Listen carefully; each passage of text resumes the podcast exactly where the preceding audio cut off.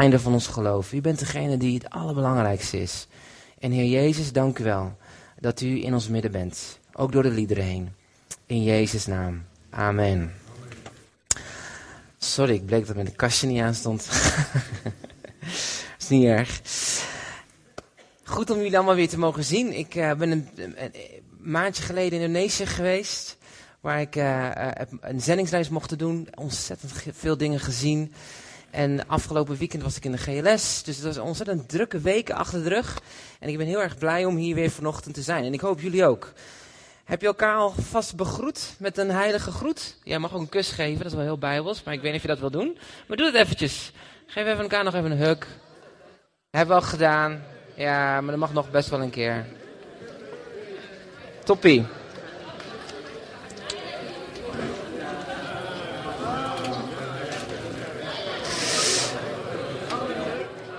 Zie mensen groeten elkaar toch nog wel eventjes. Dat is wel fijn.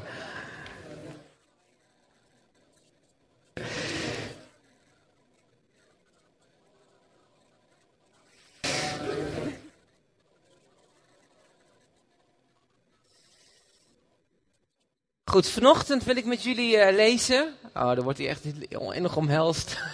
Prachtig. In Sefania hoofdstuk 3, vers 17. Een hele bekende tekst. Wordt vaak aangehaald, maar ik dacht, dat, eh, dat paste wel heel erg. Ik, ik werd vanochtend dus echt wakker. Ik dacht, ja, ik moet het hierover hebben. Sefania hoofdstuk 3, vers 17. Als je die even op wil zoeken.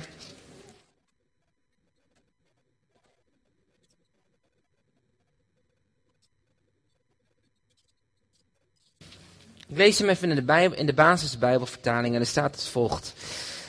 De Heer je God zal in je midden zijn. Ik vind het zo mooi. De Heer zal in je midden. Andere vertaling zegt, hij is in je midden. Hij is de held die je bevrijdt. Hij zal vol blijdschap zijn, verheugd over jou. En in zijn liefde zal hij zwijgen, maar in zijn vreugde zal hij over jou jubelen. Vanochtend wil ik spreken over dat jij en ik, wij hebben een bevrijder. Amen. Schud elkaar even wakker. Zeg even, je bent bevrijd. Want je hebt een bevrijder. Weet je wat nou zo mooi is? Dat je kan het heel echt eigen maken. Want de bevrijder die mij bevrijd is, is anders dan de bevrijder die jou bevrijd heeft. Wist je dat? Hij is wel dezelfde, maar hij heeft mij van andere dingen bevrijd dan jou. Geweldig. Dus het is heel persoonlijk. Jezus is mijn bevrijder. Hij is onze bevrijder, absoluut.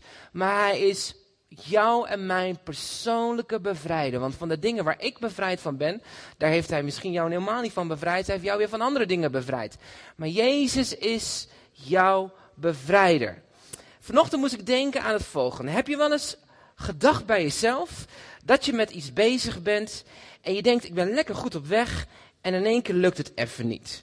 Um, je denkt dat je ergens goed voor inzet, dat je goed bezig bent en in één keer krijg je een beetje weerstand. Bijvoorbeeld als je actief bent in de kerk of je bent actief met het werk van de Heer. 9 van de 10 kennen dat als sprekers, kennen dat heel vaak. Dan ben je aan het voorbereiden, de hele week dicht bij de Heer, aan het studie. En dan op, boom, zaterdagavond, er gebeurt er weer iets en het echt, het raakt je helemaal van binnen. Of uh, de dag erna, dat heb ik ook heel vaak, in de dagen erna. Dan gebeuren in één keer rare, onverklaarbare dingen. Een soort weerstand. Nou, ik weet niet of je een beetje geniet van het herfstweer. Wie houdt van het herfstweer? Ik vind het herfst geweldig.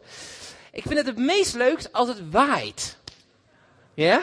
Van de week nog was ik dus op mijn fietsje en ik, ik zag dus mensen fietsen en uh, tegen de wind in. En er was een, een heel liefdevol oud vrouwtje voor me, maar die kwam niet ver. en plots stapt ze van die fiets af, weet je, en draait toch om en loopt gewoon terug naar huis. Dat is echt wel zo zielig.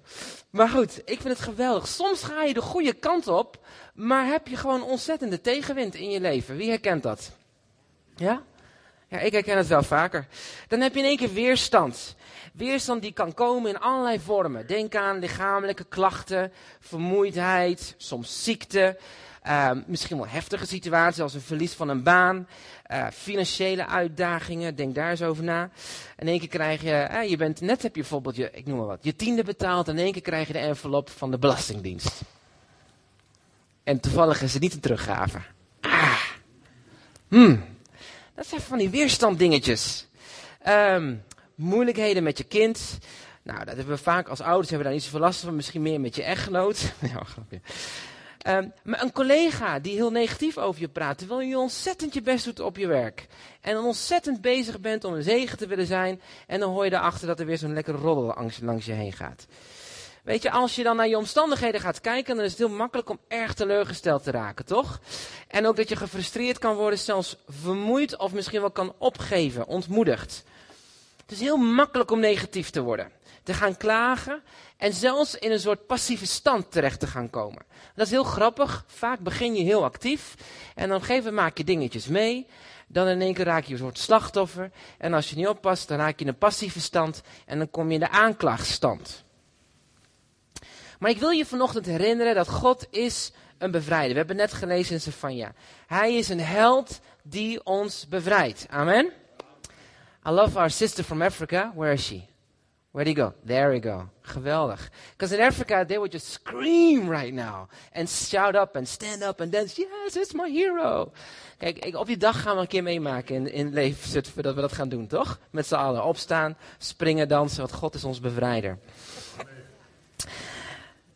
Ik heb ook ontdekt dat hij is een bevrijder, maar dat God vaak soms de weerstand in ons leven gebruikt om ons te brengen naar een plek dichter bij hemzelf. God gebruikt de weerstand van het leven om ons dichter bij hem te brengen. En ons daarin ook vrij te zetten in datgene wat God voor ogen heeft voor ons leven. En daarom is het zo belangrijk, en ik vond het zo bijzonder dat de liedjes ook gingen, hier gingen ook over, dat we dus niet moeten opgeven. Hou vol. Weet je, stap niet van je fietsje af. Draai niet om in de tegenwind. Maar zet koers. Hou vast. Keep the course. Want onthoud, je hebt een God die jou bevrijdt. En hij wil brengen, ons brengen naar de plek met volheid van hem. In de Bijbel zien we verhaal in Handelingen hoofdstuk 16. Dat gaan we even lezen. Handelingen hoofdstuk 16, vers 16 tot en met 40. Als je je Bijbel hebt, sla hem lekker open.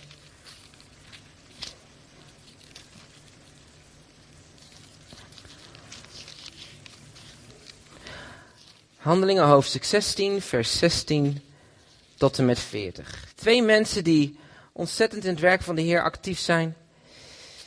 En die op een gegeven moment een weerstand in hun leven ervaren.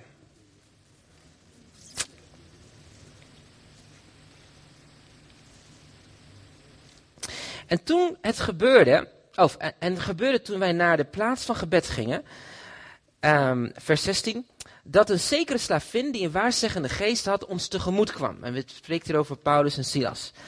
En zij verschafte haar meesters veel inkomsten met waarzeggen. Toen, zij liep achter Paulus en ons aan en riep voortdurend, deze mensen zijn dienstknechten voor God, de Allerhoogste, die ons een weg naar de zaligheid verkondigen. Nou, op zich is dat niet verkeerd als iemand die niet gelooft iets over jou zegt als dat. Tenminste, zou ik wel zo cool vinden. Als je op straat in de hemel rond en iemand zegt: hey, dat is iemand die brengt je ons bij de Heer Jezus. Hoe cool zou dat zijn? Maar goed, Paulus die uh, irriteerde zich daar een beetje aan, want dat deed hij dus vele dagen lang. En uh, op een gegeven moment keerde hij zich om en zei tegen de geest van de vrouw: Ik gebied u in de naam van Heer Jezus Christus uit haar weg te gaan. En, en die geest ging op hetzelfde moment uit haar weg. En toen haar meesters dat zagen en een hoop op inkomsten verdwenen was, grepen ze Paulus en Silas en sleurden hem mee naar de markt voor de stadsbestuurders. Dan moet je voorstellen dat jij dat bent. Je hebt net even een demon uitgedreven op straat en vervolgens word je opgepakt. Ja, je doet iets goed voor de ander, de buurman of buurvrouw, en vervolgens klaagt die persoon jou aan. In dit geval werd Paulus gebracht naar de magistraten en zei, deze mensen verstoren de orde in de stad en ze, het zijn namelijk Joden en zij verkondigen gewoonten die wij niet mogen aannemen en ook niet mogen naleven, omdat wij Romeinen zijn. En de menigte kwam als één tegen hen in verzet. Wow, tegenstand. En de magistraten rukten hun kleren af en gaven, uh, gaven bevel hem met stokken te slaan. En nadat ze veel slagen toegediend hadden, wierpen zij ze hen in de gevangenis en geboden de cipier hen zorgvuldig te bewaken. En toen dat bevel gekregen had, wierp hij hen in de binnenste kerken en zette hen voeten vast in het blok. En omstreeks middernacht waren Paulus en Silas en zongen lofgezangen voor God en de gevangenen luisterden naar hem. Wow. Tegenstand. Je doet iets goeds en je krijgt tegenstand. In dit geval zo erg dat je een paar stokken, stokslagen krijgt, je wordt je kleren van het lijf gerukt en je wordt in een gevangenis gezet. Voor wat? Omdat ze een meisje hadden bevrijd van iets wat niet van God was. Vaak gebeurt het dat als je beweegt in het hart van God, dan komt er tegenstand. Dan is er tegenstand.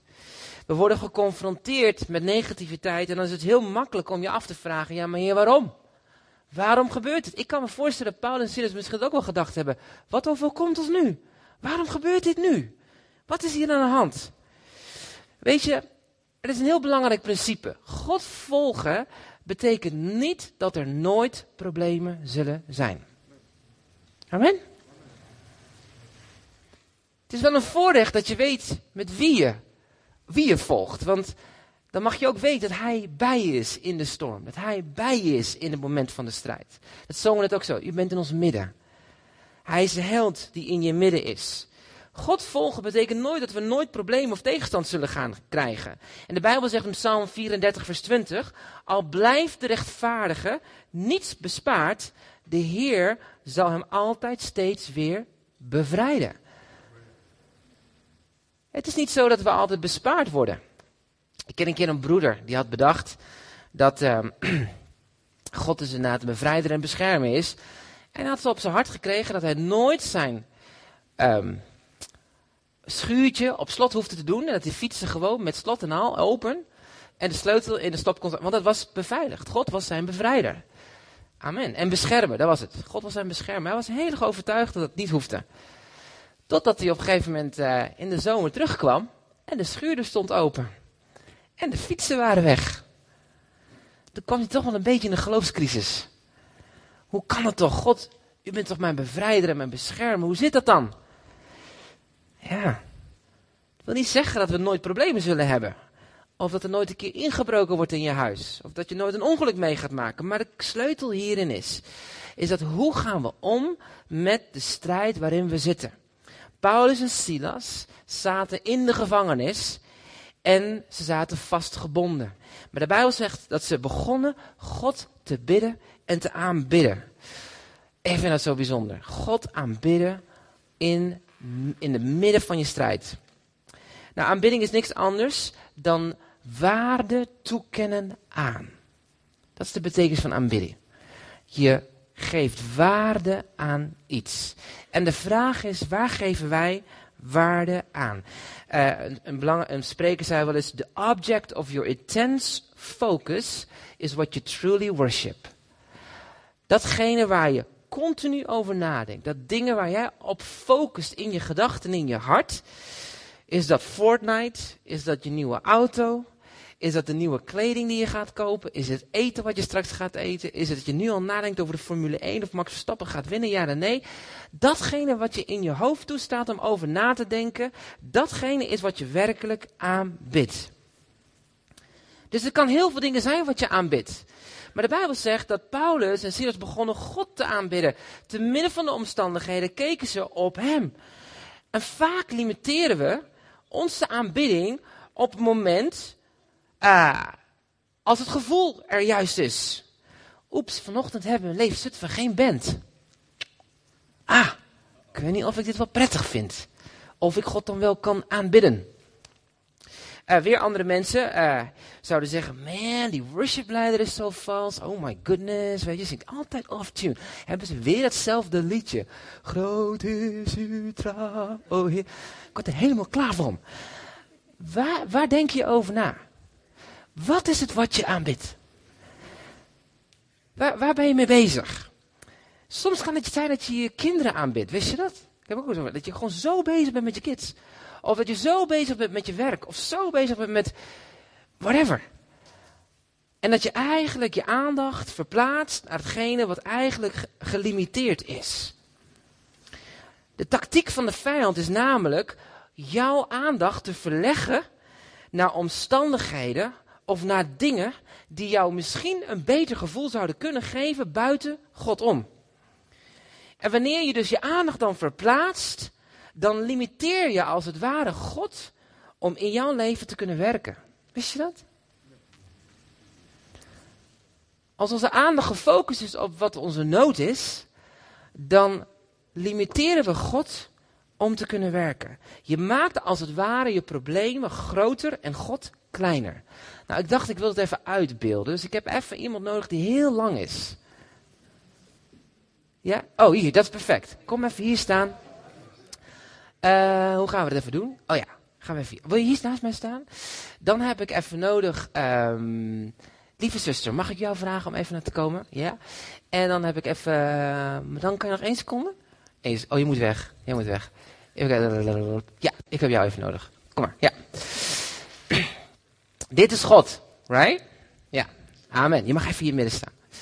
En uh, wacht, je bent niet een probleem, maar voor nu stel je even voor dat jij een omstandigheid bent. Ja? Dat is maar gewoon, dat is gewoon een, een, manier. En, jij bent gewoon je eigen leven. Right. Absoluut. Toch? Ja, ja. Zeker weten. Nou, um, als we onze aandacht leggen op onze omstandigheden, right? Kan jij misschien op je knieën gaan? Dat is heel stom hoor. Oké, okay. right. Oeh, knak, knak. Ja. En, en, en, onze omstandigheden, dat betekent eigenlijk niks anders dan we onze omstandigheden tussen God en mij in plaatsen. Dan plaatsen we even hier. God. Je omstandigheden. Nou, mijn vraag is, eh, zie je de grootheid van God? Nee. Lastig, of niet? Ja, ja. Terwijl God behoorlijk groot is. Hij is niet ongelimiteerd in kracht. Maar we, we, zien niet veel, want we kijken alleen maar naar die omstandigheden. Toch? Blijf zitten, hè? Maar wat nou als we iets anders zouden doen? Wat nou als we het om zouden draaien? Wat nou als we de omstandigheden zouden gaan bekijken in het licht van God?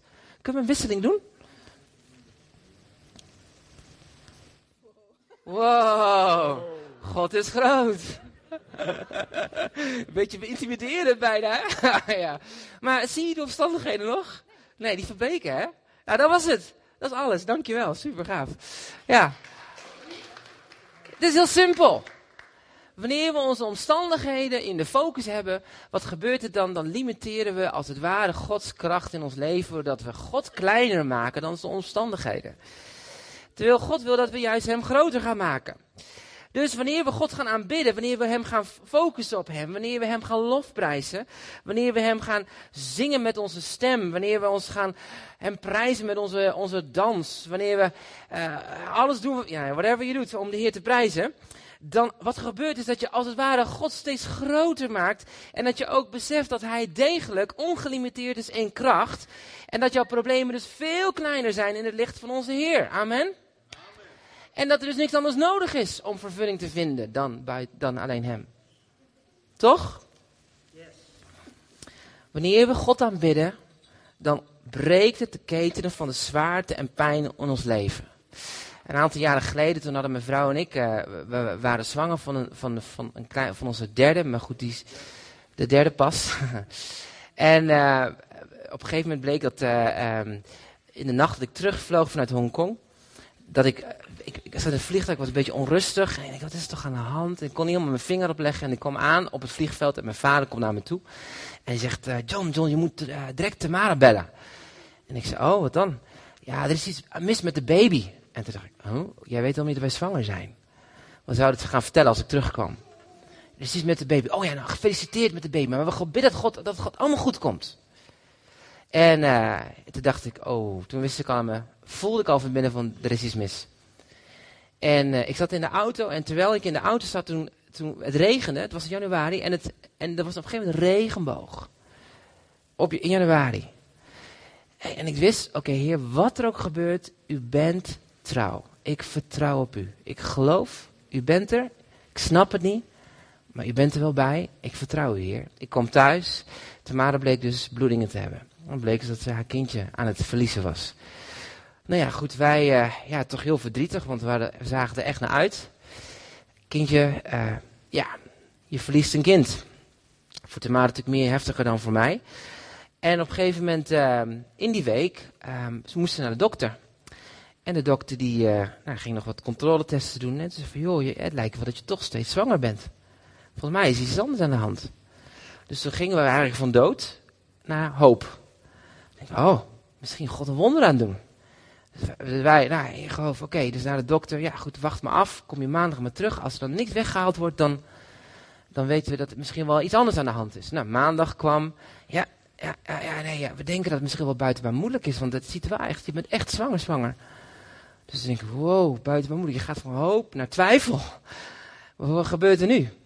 We moesten weer wachten en uiteindelijk moesten we op een dinsdag moesten we terug naar het ziekenhuis in Apeldoorn om opnieuw voor onderzoek. En toen bleek dus dat haar baarmoeder wel degelijk schoon was en dat er geen vruchtje meer was.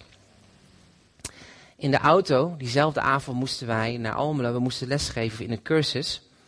En we zaten in de auto en eigenlijk compleet verslagen. We waren kapot, we waren moe, weet je, ja, het is van, wat is dit joh. En uh, terwijl we in de auto aan zaten, gewoon helemaal uh, aan het verwerken, maar ik was stil. De twee kids achter mij, Jess en Jeroen, die waren zo, uh, denk vier en drie, vier en, vier en twee.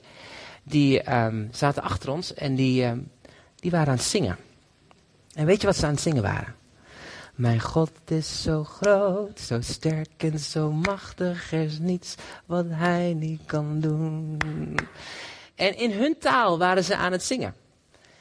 En terwijl ze aan het zingen waren over dat God er was, dat God bij ons was, dat, dat hij trouw was, gebeurde iets heel bijzonders.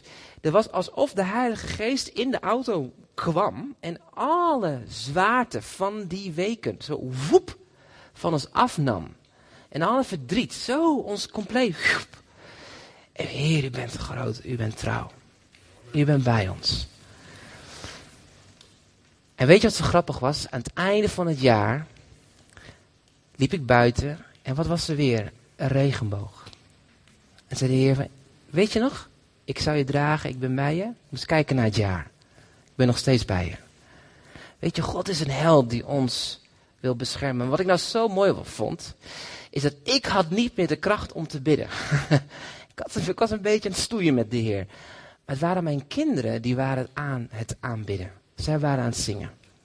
De kracht van lofprijzing en aanbidding is zo ontzettend groot.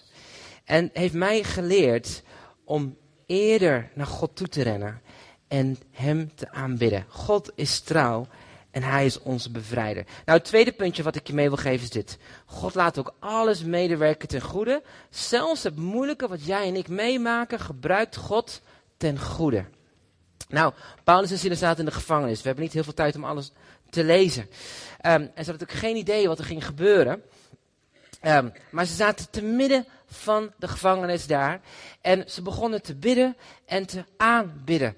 En de Bijbel zegt dat de gevangenen begonnen te luisteren naar Paulus en Silas. Weet je, mensen in je omgeving letten op hoe jij met je omstandigheden omgaat. Wat komt er over je lippen op het moment dat jij door moeilijke dingen heen gaat?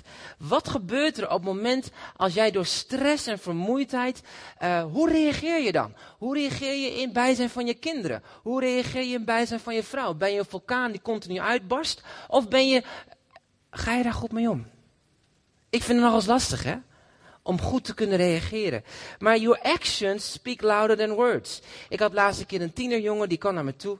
En die was zo boos op God. En terwijl we aan het praten waren over, God, waar komt het vandaan? Kwam hij kwam eigenlijk met zijn eigen conclusie. En hij zei van, ja, weet je, het is, mijn papa die is altijd heel erg positief over God, waar iedereen bij is. Maar als hij thuis is, en hij is, en hij is moe, en hij komt van werk, en hij is zagrijnig, en dan loopt hij iedereen af te kafferen. Ik geloof niet dat God de vader is. Boom.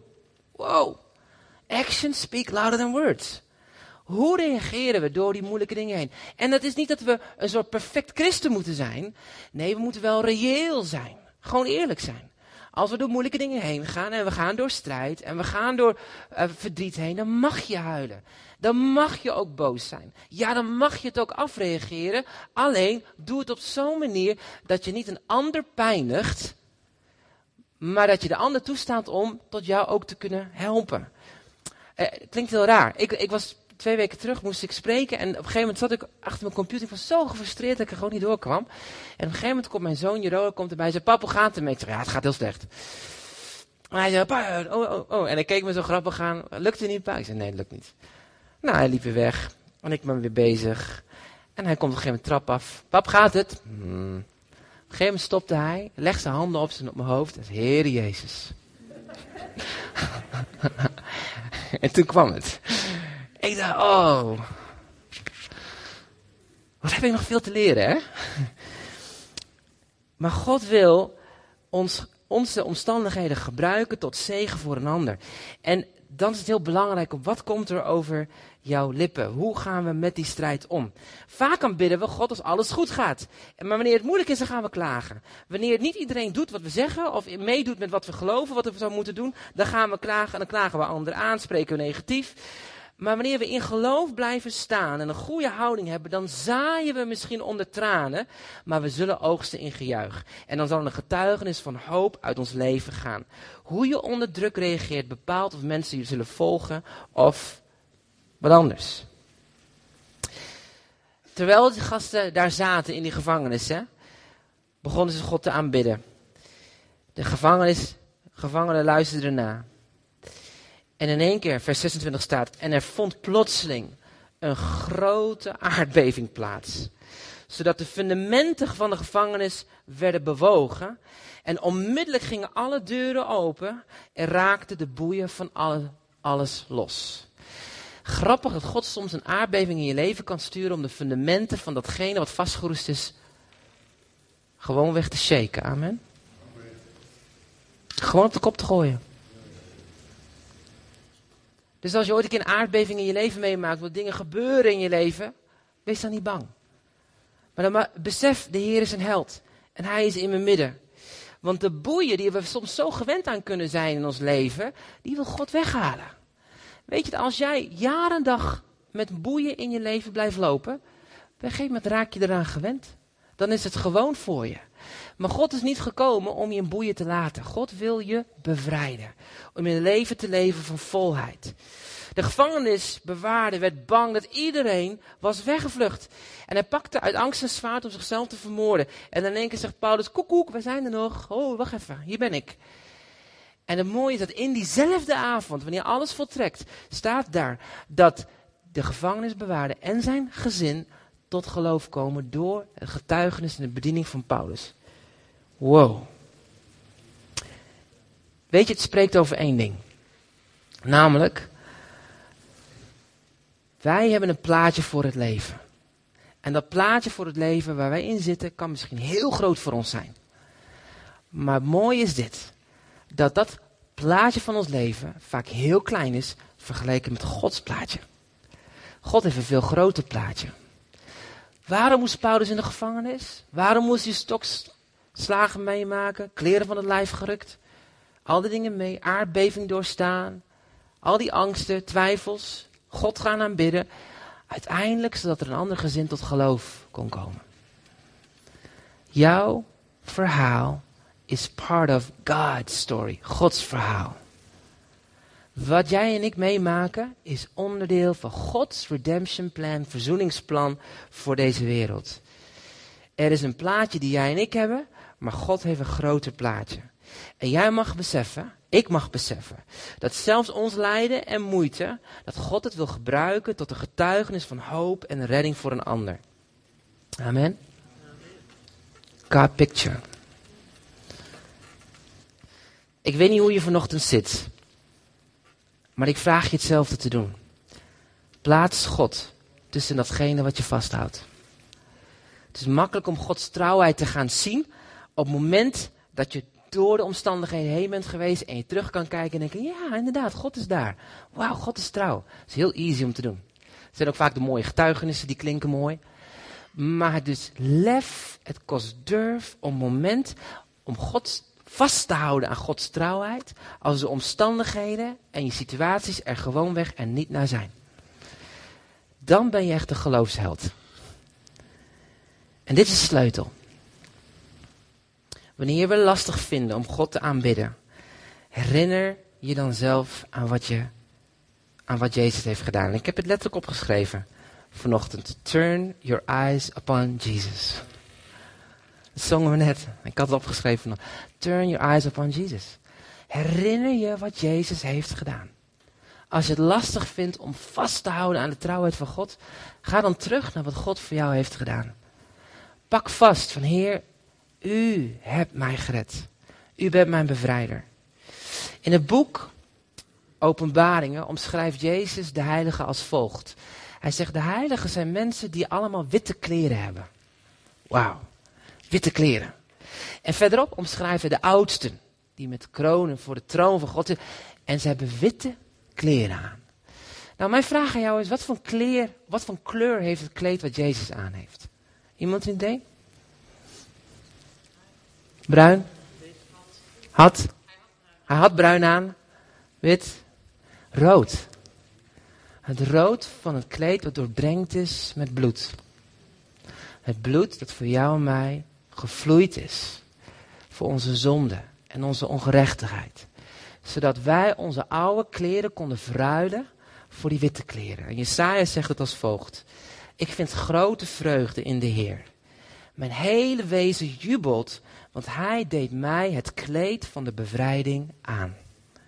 Hij hulde mij in de mantel van gerechtigheid, zoals een bruidegom een kroon opzet, zoals een bruid dat zich tooit met sieraden. Wauw. God wil ons bekleden met bevrijding en gerechtigheid. Kleren die wit zijn, door het bloed wat hij vergoten heeft. En die wisseling, gelaten spreekt ze nooit, hij, hij nam ons, hij stapte in onze plaats en deed die oude kleren af en gaf ons nieuwe kleren. En dit is wat ik je mee wil geven. Wanneer het lastig is om God te aanbidden in die omstandigheden, grijp dan terug naar dit proces. Grijp dan terug naar dit proces. Jezus is voor jou en mij gestorven. Ik ben gerechtvaardigd. Ik ben bevrijd. Ik snap het niet, maar er is hoop. Ik begrijp het allemaal niet, Heer, maar ik vertrouw u. Heer, ik vind het niet leuk, het doet zeer. Heer, ik baal je zo van, ik ben er zelfs boos over. Maar ik vertrouw u, Heer. U bent bij me. En hou dan je koers vast. Keep the faith. Stap niet van het fietsje af, maar blijf fietsen. Hoe hoog die weerstand ook is. Want God is een bevrijder. En remember dit: het gebed van een rechtvaardige vermag veel. Met andere woorden, als jij die witte kleren aan hebt en die heb je aan, dan alles wat je ook bidt in die omstandigheden heen, God gaat werken achter de schermen. En ik, kan, ik denk dat we heel veel verhalen hebben hier, maar ik zelf ook. Dat op het moment dat je door dingen heen gaat, je altijd niet begrijpt waarom de dingen gebeuren en waarom het soms zo pijn kan zijn. Maar als je dan vasthoudt aan Jezus, dan kom je tot de rauwe essentie dat het eigenlijk alleen maar om Hem draait. En voor de rest interesseert je niks meer. Dan is God zo groot en alles om je heen vervaagt. En je denkt, ja Heer, dicht bij U wil ik zijn. Amen. Daar is waar ik volheid vind. Dat is waar ik geluk vind. Daar voel ik me veilig. De rest maakt het niet meer uit. Allemaal bijkomstig. Maar bij u, dat is de essentie. Ik wil je vragen om iets te doen. Ik zou het heel erg mooi vinden als we in groepjes van drie, vier zouden kunnen draaien. En als je gewoon met elkaar zou willen delen. hey, is er iets wat op dit moment een lastig iets is in je leven? Is er iets waar je op dit moment strijd in vaart? Misschien wat een omstandigheid waar je gewoon echt door, ja, gewoon pittig vindt. Of zijn er juist, heb je getuigenis van iets wat ontzettend mooi is in je leven? Maar wat ik echt zou willen doen is als je gaat delen met elkaar, dat we samen naar God toe gaan. En dat we gewoon voor elkaar gaan bidden. Dat we de Heer samen gaan aanbidden. En het mooie is, dan ben je met elkaar, dan kan je met elkaar luisteren. En elkaars gebeden ook luisteren. En samen te gaan geloven dat God is de God die bevrijding geeft in jouw situatie. Kunnen we dat doen? Is dat goed? En misschien kunnen we gewoon even een liedje op de achtergrond lekker luisteren. Dat we even daar tijd voor nemen. En dat we daarna gaan we met elkaar, sluiten we af in een gemeenschappelijk gebed. Is dat goed? Ja? Dus zoek iemand op. Hij zegt van nou, ik vind het wel spannend. Is niet erg. Dat mag. Hè? Voel waar je prettig bij